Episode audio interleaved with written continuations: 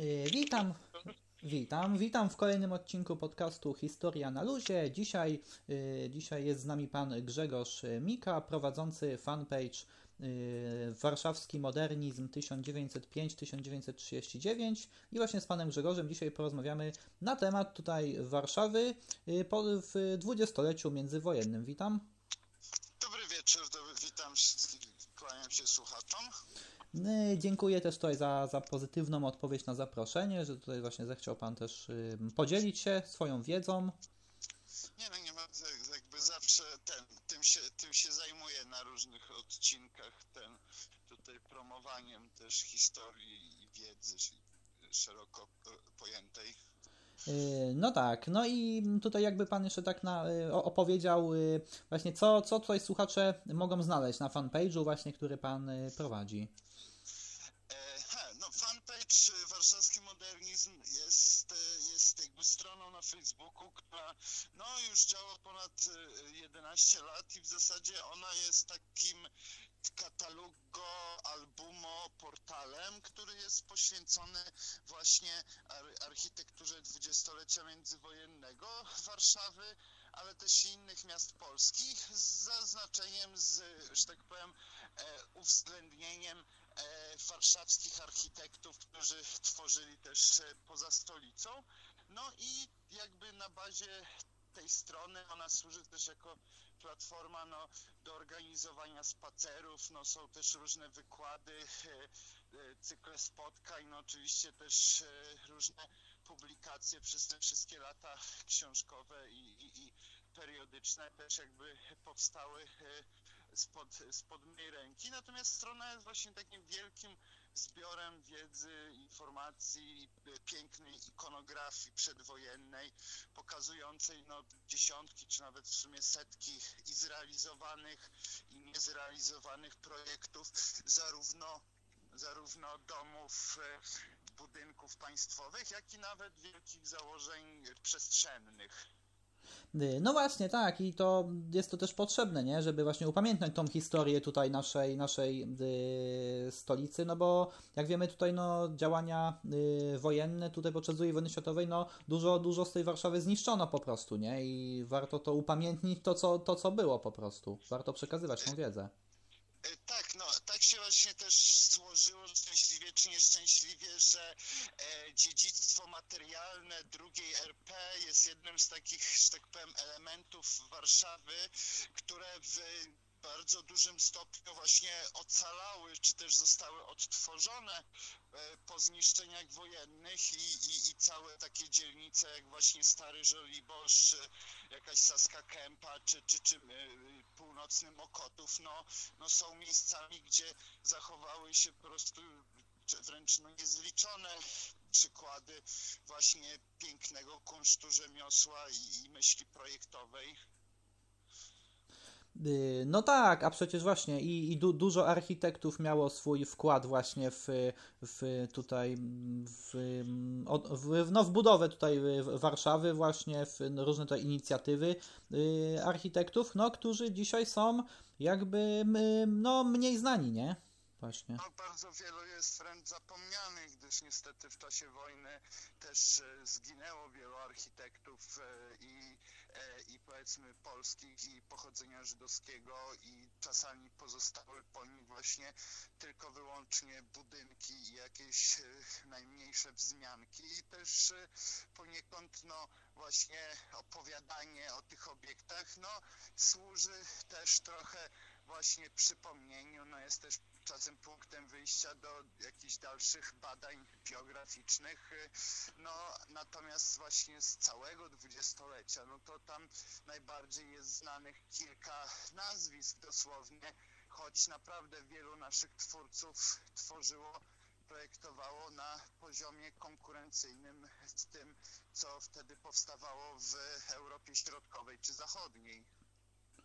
Y, No tak, zgadza się, bo to właśnie jakby pan tutaj przytoczył właśnie na kilka takich y, nazwisk tutaj architektów właśnie No. i opowiedział o ich osiągnięciach. No, tutaj przykład takie najbardziej znane naprawdę nazwiska, które nawet można znaleźć bez problemu w Wikipedii, no to są tacy wręcz tytani, jak Bogdan Pniewski, jak Romuald But, e, jak Stanisław i Barbara Brukalscy, jak właśnie Szymon i Helena Syrkusowie, jak Juliusz Żurawski. Natomiast poza nimi, no właśnie są też dziesiątki, tuziny no, nazwisk twórców, którzy tu w Warszawie tworzyli właśnie obiekty bardzo różnej skali, właśnie tacy profesorowie jak Czesław Przybylski, jak Rudolf Świerczyński. Generalnie te nazwiska, które przytoczyłem, to są twórcy wielu budynków, które są no, też takimi podręcznikowymi wręcz przykładami właśnie nowoczesnej architektury w dwudziestoleciu międzywojennym, bo właśnie na przykład profesor e, Świerczyński zaprojektował tak znane budynki jak e, centralę banku BGK, która stoi w Warszawie przy rondzie de Gaulle'a, czy na przykład zaprojektował gmach Ministerstwa Komunikacji przy Alei Chałubińskiego, który właśnie po wojnie rozbudował też wspomniany przeze mnie Bogdan Pniewski, który znowuż przed II wojną projektował różne luksusowe wille, domy mieszkalne, a nawet gmach sądów, e, które stoją w Alei Solidarności w Warszawie. No, tutaj mógłbym naprawdę opowiadać e, godzinami, bo Romuald Gut też jest no, wręcz e, świetnym przykładem właśnie twórcy, który stworzył swój własny styl nowoczesny i, i go rozwijał nawet w latach powojennych. No i mówię, no tutaj naprawdę to są za tymi nazwiskami stoją czasami nawet dziesiątki projektów i zrealizowanych i niezrealizowanych i właśnie bardzo nowoczesnych, a czasami bardzo luksusowych domów mieszkalnych i takich najbardziej rozpoznawalnych budynków użyteczności publicznej, które wtedy w latach dwudziestych, a przede wszystkim w latach trzydziestych powstawały w Warszawie, ale też, też no, w innych ważnych miastach, takich jak chociażby Gdynia, ten czy potem Stalowa Wola, no ale to jest też kolejny wątek, który e, można po, potem rozwijać e, ten poza Warszawą. Y, no właśnie tak, no bo tutaj właśnie i też y, duży, duży wkład tutaj w rozwój też Warszawy miał yy, komisaryczny prezydent Warszawy Stefan Starzyński, nie? Tak, to jest taka historia, która pokazuje, że no właśnie czasami e, urzędnik, który niejako został e, nałożony, że tak powiem, zesłany na Warszawę przez władze centralne, okazał się e, bardzo dobrym, można powiedzieć, takim planistą i realistą i on też e, rozumiał, że nowoczesne miasto no, wymaga bardzo wielu, że tak powiem, inwestycji. Też wiedział, że Warszawa ma bardzo kiepską sytuację finansową E, i starał się, no, operując tutaj dosyć sprawnie budżetem, angażując też wielu architektów i urbanistów, właśnie zarówno w skali makro prowadzić wielkie projekty planistyczne związane z przebudową śródmieścia, no i z rozbudową dzielnic obrzeżnych, a w skali mikro na przykład y, Starzyński realizował, no udało mi się ponad lekko ponad 30 budynków szkolnych wznieść, wszystkie zaprojektowane też przez młodych architektów y, w duchu modernizmu, z których większość przetrwała i służy do dnia dzisiejszego na przykład. Y, no tak, czyli właśnie to, to dziedzictwo tutaj Warszawy pozostało. No, z tych elementów e, z lat 30., zarówno w skali właśnie poszczególnych budynków, jak i w skali no właśnie urbanistycznej, w skali planowania przestrzennego, tak, jak najbardziej możemy odnaleźć e, liczne zachowane właśnie elementy, zarówno spore fragmenty iluś dzielnic naszego miasta, które się też właśnie znacząco rozbudowywały w drugiej połowie lat 30. i właśnie też liczne obiekty, które były wznoszone za czasów Starzyńskiego, z których część no, po prostu nadal służy warszawiakom, e, począwszy właśnie no, od tych szkół miejskich, no, ale on też odpowiadał za utworzenie chociażby Muzeum Warszawy i, i jego, że tak powiem, promocję. No, on też on też e, starał się e, dokonać rewitalizacji Starego Miasta, które też było przed wojną bardzo zaniedbaną dzielnicą.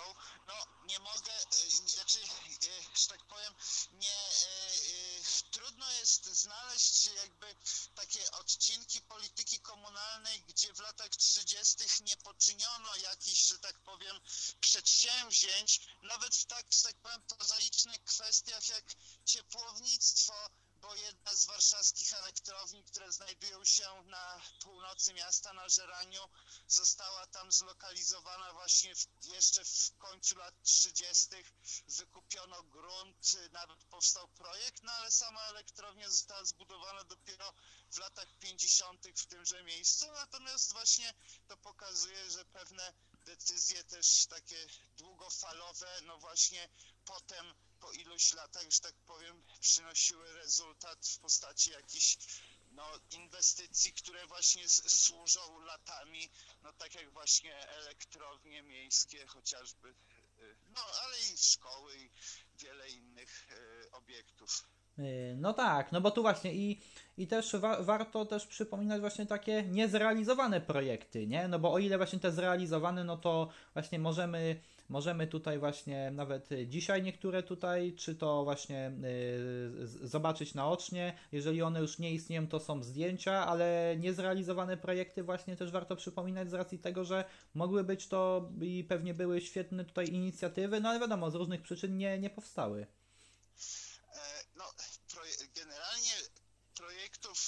Rozbudowy Warszawy w całym dwudziestoleciu wojennym no, e, powstało kilka, bo, bo też była to praca, która zazwyczaj trwała miesiącami, latami. Natomiast faktycznie tutaj w tym czasie, kiedy Starzyński rządził Warszawą, no dokonano znaczącego przyspieszenia i zaczęto opracowywać właśnie plany zabudowy nowych dzielnic mieszkaniowych, co było no, jak najbardziej konieczne i rozsądne.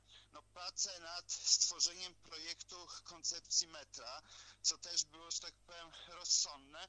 Natomiast, yy, natomiast yy, no, jest też tak, że w przestrzeni Warszawy chociażby władze centralne chciały realizować e, chociażby założenia no, takie o charakterze trochę propagandowym, trochę, e, trochę, że tak powiem, monumentalnym, które e, co do których współcześnie byśmy się zastanawiali, czy, czy, powinny, czy powinny, że tak powiem, być, tak jak dzielnica Piłsudskiego, natomiast jednocześnie właśnie plany dotyczące takich prozaicznych rzeczy, jak jakieś właśnie e, nowe trasy kolejowe, no właśnie projekty metra, e, lokalizacja nowych dzielnic, e, to były, że tak powiem, rzeczy, które zach czasami zachowały się jeszcze, że tak powiem, i na, i na zdjęciach, i na planach, natomiast jednocześnie, no właśnie w archiwach nadal można odnaleźć bardzo dużo planów, które, e, e, które, po których właśnie zostały tylko pojedyncze rysunki. I tutaj akurat ta wspomniana dzielnica Piłsudskiego no, ma bardzo dużo że tak powiem, zachowanych materiałów, no ale są różne mniejsze projekty, e, e, które tutaj dla Warszawy też e, planowano, które właśnie zachowały się tylko na jakichś pojedynczych kartkach czy arkuszach rysunku. To jest fakt. Tutaj Niemcy niestety w 1944 roku no, spalili większość archiwum miejskiego, gdzie to było wszystko zdeponowane. No tak, i dużo architektów też właśnie zginęło podczas okupacji.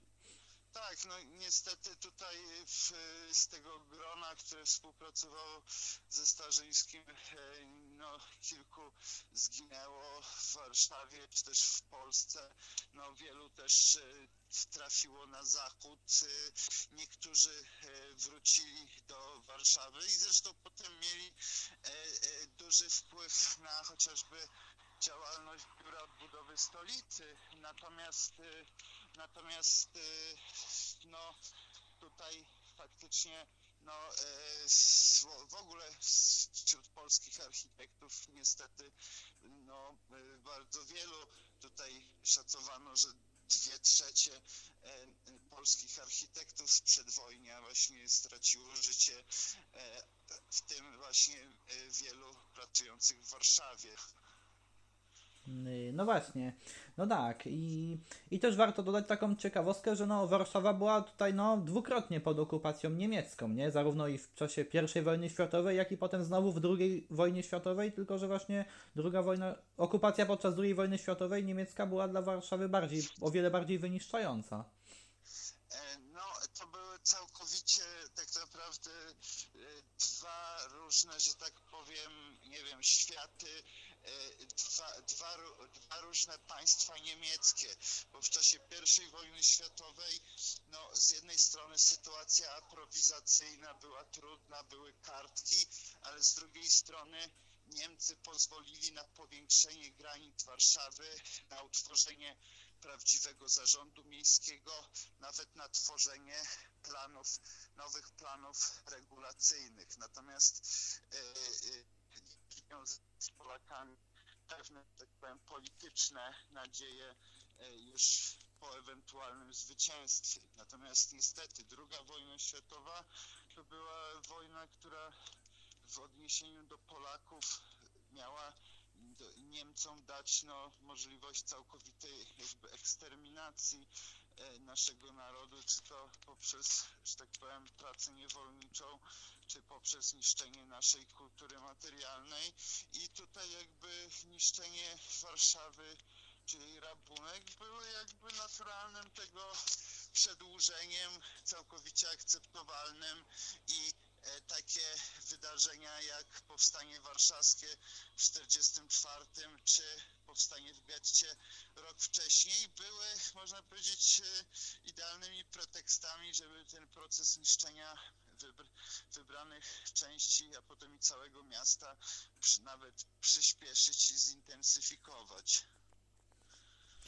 Y, no tak, no tak, y, zgadza się, no bo właśnie tutaj no, w czasie powstania, gdy wybuchło powstanie warszawskie, no to Hitler wydał tutaj rozkaz, żeby Warszawę zrównać z ziemią. Tak, tak i ten rozkaz jeszcze potem Himmler też po, powtórzył e, i generalnie potem jeszcze e, już po tym jak powstanie skapitulowało, to nawet mimo tego, że w umowie kapitulacyjnej był podpunkt gwarantujący ochronę dóbr kultury i zabezpieczenie zabytków, no to niestety Niemcy jakby całkowicie ten podpunkt pominęli, no i przystąpili do dalszego jeszcze rabunku i palenia miasta, y, co dopiero się zakończyło no, tuż, po, no, tuż przed wejściem oddziałów radzieckich. Y, no właśnie, no właśnie, to się, to się zgadza. Y, no tak, i tutaj. Y, no właśnie, i tutaj też tak, warto też dodać, że Warszawa miała no, wielu różnych właśnie prezydentów w swojej historii, no ale właśnie jednym z najbardziej znanych jest właśnie pan Starzyński, o którym już dzisiaj wspomnieliśmy. Tak, to Starzyński tutaj też dzięki, tak powiem, tej swojej karcie bohaterskiej obecności w 1939 wykuł sobie nieśmiertelność.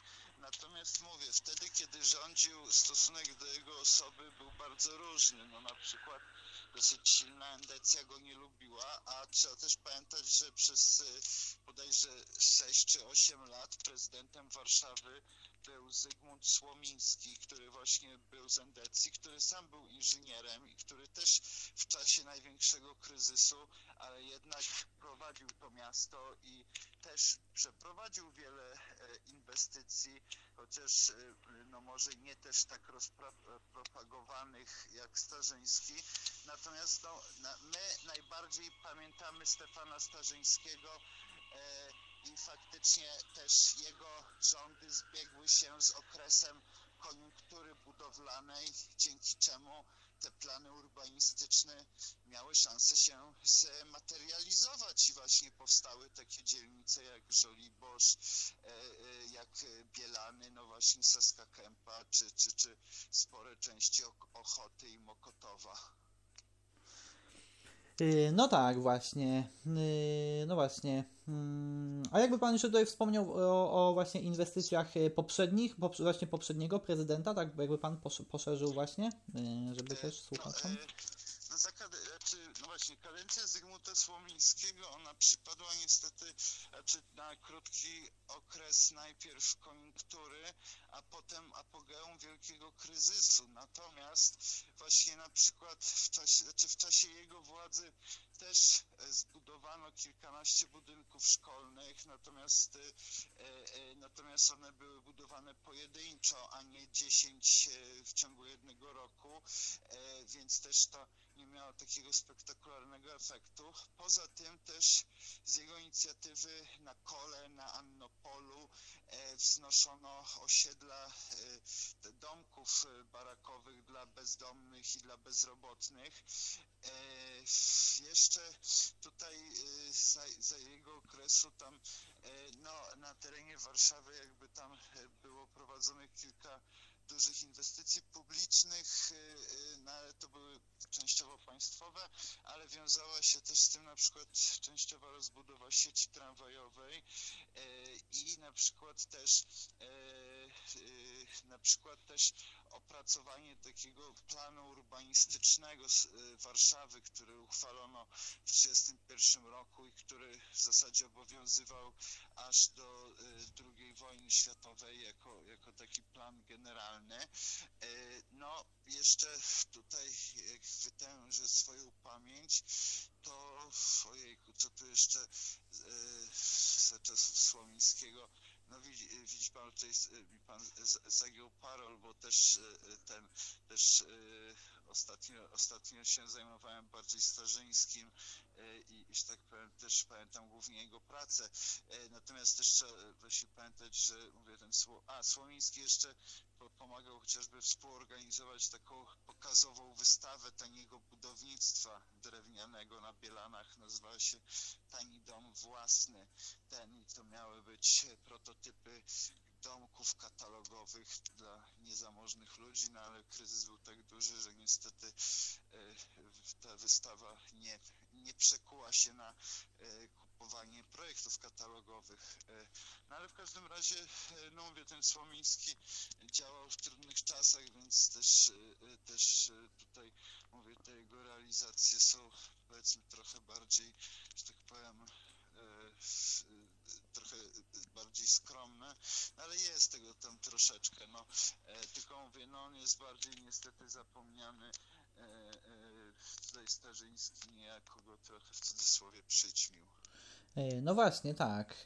No właśnie i no, no tak, i tutaj Tutaj warto też jeszcze tak do, dodać, że właśnie gdy już tu Niemcy, właśnie po, gdy w czasie powstania warszawskiego Niemcy tutaj zniszczyli Warszawę, no to wa, warto też dodać, że później już po zakończeniu wojny, no to też zwykli ludzie jechali do Warszawy, żeby ją odbudować, nie? Znaczy, no zasadniczo było tak, że warszawiacy w zasadzie już od końca stycznia wracali, no, próbowali wracać. Trzeba też pamiętać, że, że warszawiacy po powstaniu zostali rozpędzeni jakby po całym kraju. Niektórzy trafiali aż do Krakowa czy na ziemię świętokrzyską, a niektórzy dosłownie tylko do Milanówka czy pod, czy pod Radzymin. I po prostu ci, którzy mieli jak, to starali się jak najszybciej, że tak powiem, no właśnie wracać, zobaczyć, czy y, dom ocalał, czy, czy cokolwiek zostało z ulicy, czy z kamienicy. I fakt jest faktem, że no już w pierwszym roku od oswobodzenia Warszawy wróciło ponad 400 tysięcy osób y, z miasta, które tuż przed powstaniem liczyło y, tuż przed powstaniem liczyło jeszcze z 800 tysięcy czy, prawie 900 tysięcy mieszkańców. No dobrze, tutaj. Jakbym jeszcze tutaj tak zapytał właśnie o, o styl architektoniczny właśnie, jak to, jak, jakby w jakim stylu tutaj powstawały tak właśnie różne tutaj, w jakim stylu były projektowane tutaj, no różne tutaj projekty właśnie architektoniczne. E, więc w sumie jeżeli chodzi o Warszawę i powiedzmy, że większość takich dużych miast to dwudziestolecie międzywojenne e, nie było w cudzysłowie jednorodnym okresem, bo w zasadzie tutaj e, kilka różnych nurtów się, że tak powiem, rozwijało trochę równolegle obok siebie, trochę, że tak powiem, jedne mocniej, drugim, drugie mniej. I na przykład w pierwszej połowie lat dwudziestych najczęściej, że tak powiem, obecnym w przestrzeni miast, w architekturze nowych budynków mieszkalnych i też budynków publicznych były tak zwany styl dworkowy i tak zwany styl, no jakby e, to się mówi akademicki, a tak naprawdę inspirowany klasy, trochę klasycyzmem, trochę barokiem.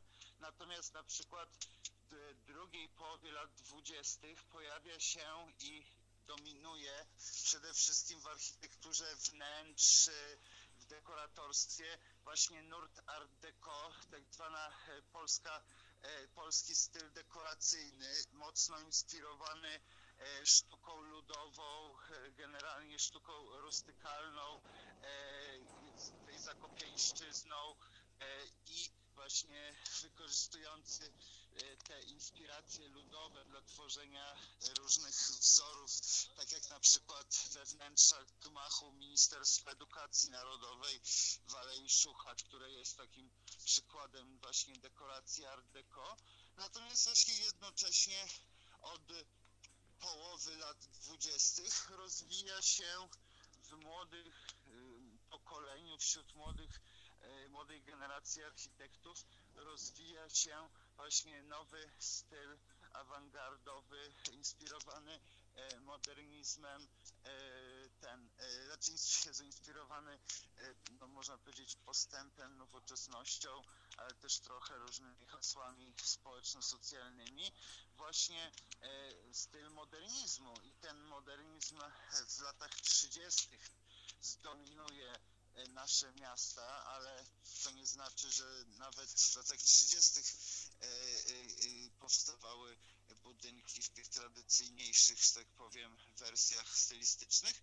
Natomiast tenże modernizm no, w latach 30. dominował właśnie w architekturze i mieszkaniowej, i willi, i, i bloków mieszkalnych i jednocześnie w architekturze różnych budynków państwowych i, i takich dużych właśnie central ministerstw, jak i takich bardzo e, bardziej prozaicznych, jak budynki szkolne, budynki koszar, e, e, budyn, jakieś budynki powiedzmy na przykład kolejowe, etc. I, i jako po prostu taki styl tańszy i bardziej ekonomiczny od tych powiedzmy historycznych i dekoracyjnych był właśnie, można powiedzieć, dość często gęsto stosowany przy różnych projektach w cudzysłowie państwowych. Natomiast też prawda jest taka, że e, jakby historycy sztuki e, się zagłębili i jakbyśmy się przyjrzeli, to nawet w tym nurcie modernizmu było kilka takich, że tak powiem w cudzysłowie, podnurtów, e, które, które tutaj w Polsce się też jakby rozwijały, bo po prostu różni architekci starali się stosować, próbować różnych rozwiązań, e, różnych materiałów. No i tutaj takimi właśnie dwoma bardzo ciekawymi przykładami e, właśnie też bardzo przeciwstawnych interpretacji modernizmu są ci dwaj architekci, o których już wspomniałem, Romuald Gut i Bogdan Pniewski, którzy co prawda nie byli rówieśnikami, ale tworzyli w tej samej epoce. Jeden pan stosował prawie zawsze szarą cegłę cementową e, jako okładziny swoich budynków e, i projektował takie właśnie bardzo funkcjonalistyczne budynki, a Bogdan Pniewski właśnie bardzo często wykorzystywał piaskowiec, różne materiały typu marmury, wapienie i różne elementy takich dekoracji autorskich i też te budynki były projektowane przy użyciu nowoczesnych technologii, stosując różne nowoczesne rozwiązania przestrzenne. A mówię, a dwaj panowie byli właśnie bardzo, bardzo różni pod kątem tego, jak rozumieli architekturę nowoczesną i właśnie dlatego też to badanie dwudziestolecia międzywojennego jest, jest jakby zadaniem ciekawym, e, bo od, nadal odkrywa się różne zapomniane postaci i właśnie można trafić na różne bardzo ciekawe e, realizacje e, właśnie pokazujące zarówno niezwykle luksusowe rozwiązania, jak i czasami bardzo ekonomiczne, bardzo takie właśnie użytkowe i funkcjonalne, bo i ten prawdziwy modernizm właśnie stawiał sobie jako pewną ideę fix bycie tanim, użytecznym, e, energo, e, że tak powiem, oszczędnym i, i przede wszystkim dostępnym dla takich szerokich mas i dlatego też y, właśnie w projektowaniu bloków mieszkalnych, y, różnych y, przykładów takiego masowego budownictwa, ten styl modernistyczny no, jakby był stosowany w latach 30., a potem po wojnie no to stał się praktycznie dominującym przez większość PRL. No tak, właśnie. I tak chciałby Pan jeszcze coś dodać tutaj na, na koniec? Ojejku, no można, można by dodać bardzo wiele, e, bo i temat architektury nowoczesnej i temat budowy państwa w dwudziestoleciu międzywojennym są bardzo mocno ze sobą powiązane bo Polska była zrujnowana po I wojnie światowej, miasta były przeludnione i też, tak powiem w cudzysłowie, niedorozwinięte. E, i architektura nowoczesna powstawała nawet czasami w bardzo e, prowincjonalnych ośrodkach e, i były, i, i były to czasami bardzo ciekawe realizacje, które nadal czekają na takie ponowne odkrycie, bo powiedzmy, że Warszawa, Gdynia, Kraków no, są dosyć dobrze znane, natomiast no właśnie mamy też mnóstwo przykładów z innych miast, które nadal są jeszcze nie w pełni zbadane. No właśnie, to jest też przykład na to, że jakby wiedzę można zgłębiać i, i mm, jakby i zawsze, zawsze jest po prostu co zgłębiać, nie? Zawsze jest coś do odkrycia. Nie ma nigdy tak, żeby, żeby już um, był koniec, zawsze tak, można y, poszerzać znaczy, temat. To jest tak, że epoka jest całkowicie zamknięta w jakichś tam datach, więc pewnie kiedyś liczba budynków się skończy, natomiast póki co no, jest nad czym pracować. No właśnie, tak, ale to też nawet jeżeli liczba budynków się skończy, zawsze można docierać do jakichś dokumentów na przykład, co jeszcze, czy jeszcze się... No tak, znaczy jakby, że do zidentyfikowania i tak dalej, no to wiadomo, to jest jakiś tam kolejny etap. Właśnie, jakieś też plany właśnie mo można odkryć, jeszcze jakieś też niezrealizowane po prostu też. Nie, no, no tak, no to, to nadal, że tak powiem, ma miejsce przy, tutaj przy różnych okazjach, przynajmniej y, jak ja tutaj badam różne no właśnie, no i ja tu jeszcze raz chciałem podziękować tutaj za, za, za, tutaj, za podzielenie się swą wiedzą, no bo wiadomo właśnie, że tak jak pan, pan mówił właśnie, że tu można no długo, długo o tym mówić po prostu, bo to się, to się zgadza i dlatego ja też bym chciał zachęcić y, słuchaczy też do, do, do zgłębienia tutaj y, w jakiś y, sposób y, tematu i myślę, że na pewno pomocny będzie fanpage tutaj właśnie pana Grzegorza, naszego dzisiejszego rozmówcy. Tak, jasna sprawa więc y, mówię, strona już istnieje kilkanaście lat, no jeszcze jest mnóstwo obiektów, które tam, że tak powiem, nie trafiły, więc, y, że tak powiem, zapraszam do stałego śledzenia. No właśnie, tak, można tutaj za, zaobserwować, tutaj właśnie też za, zachęcam do zaobserwowania tutaj fanpage'a. Y, no właśnie, no który obejmuje tutaj jednak, jednak tych, właśnie który obejmuje lata 1905-1939, czyli zahacza też y, Pan y, w swoich badaniach o jeszcze ten czas okupacji rosyjskiej właśnie, gdy Warszawa była pod, pod rosyjską. Tak, bo w zasadzie, no właśnie tuż przed pierwszą wojną światową zaczęły powstawać e, pierwsze budynki w konstrukcjach żelbetowych, e, e, no powstawały kamienice, które nie miały już dekoracji eklektycznych, czy też budynki, które w cudzysłowie przełamywały taką historyczną symetrię, że każdy budynek ma wejście po środku, kolumnady i tak dalej.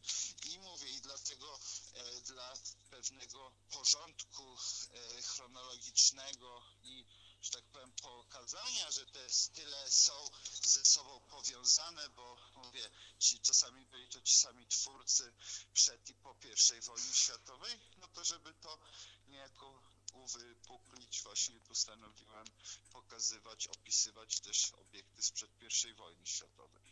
No tak, właśnie. No i co jest też y, bardzo tutaj y, potrzebne właśnie dla przybliżania tutaj już osobom, os y, do, do, do, przybliżania po prostu historii naszej, naszego miasta stołecznego tutaj. No i właśnie, ja tu, tak jak mówię właśnie, tu dziękuję za ciekawą rozmowę. Dziękuję też słuchaczom za wysłuchanie tutaj dzisiejszego odcinka. No i jak ja to zawsze mówię, to by było na tyle i do usłyszenia w następnym odcinku. Państwu bardzo. No, zapraszam na Facebooka, zapraszam na wykłady, na spacery. E, no, że tak powiem, cały czas coś się dzieje w ramach promocji naszego dziedzictwa i architektury. Właśnie, tak.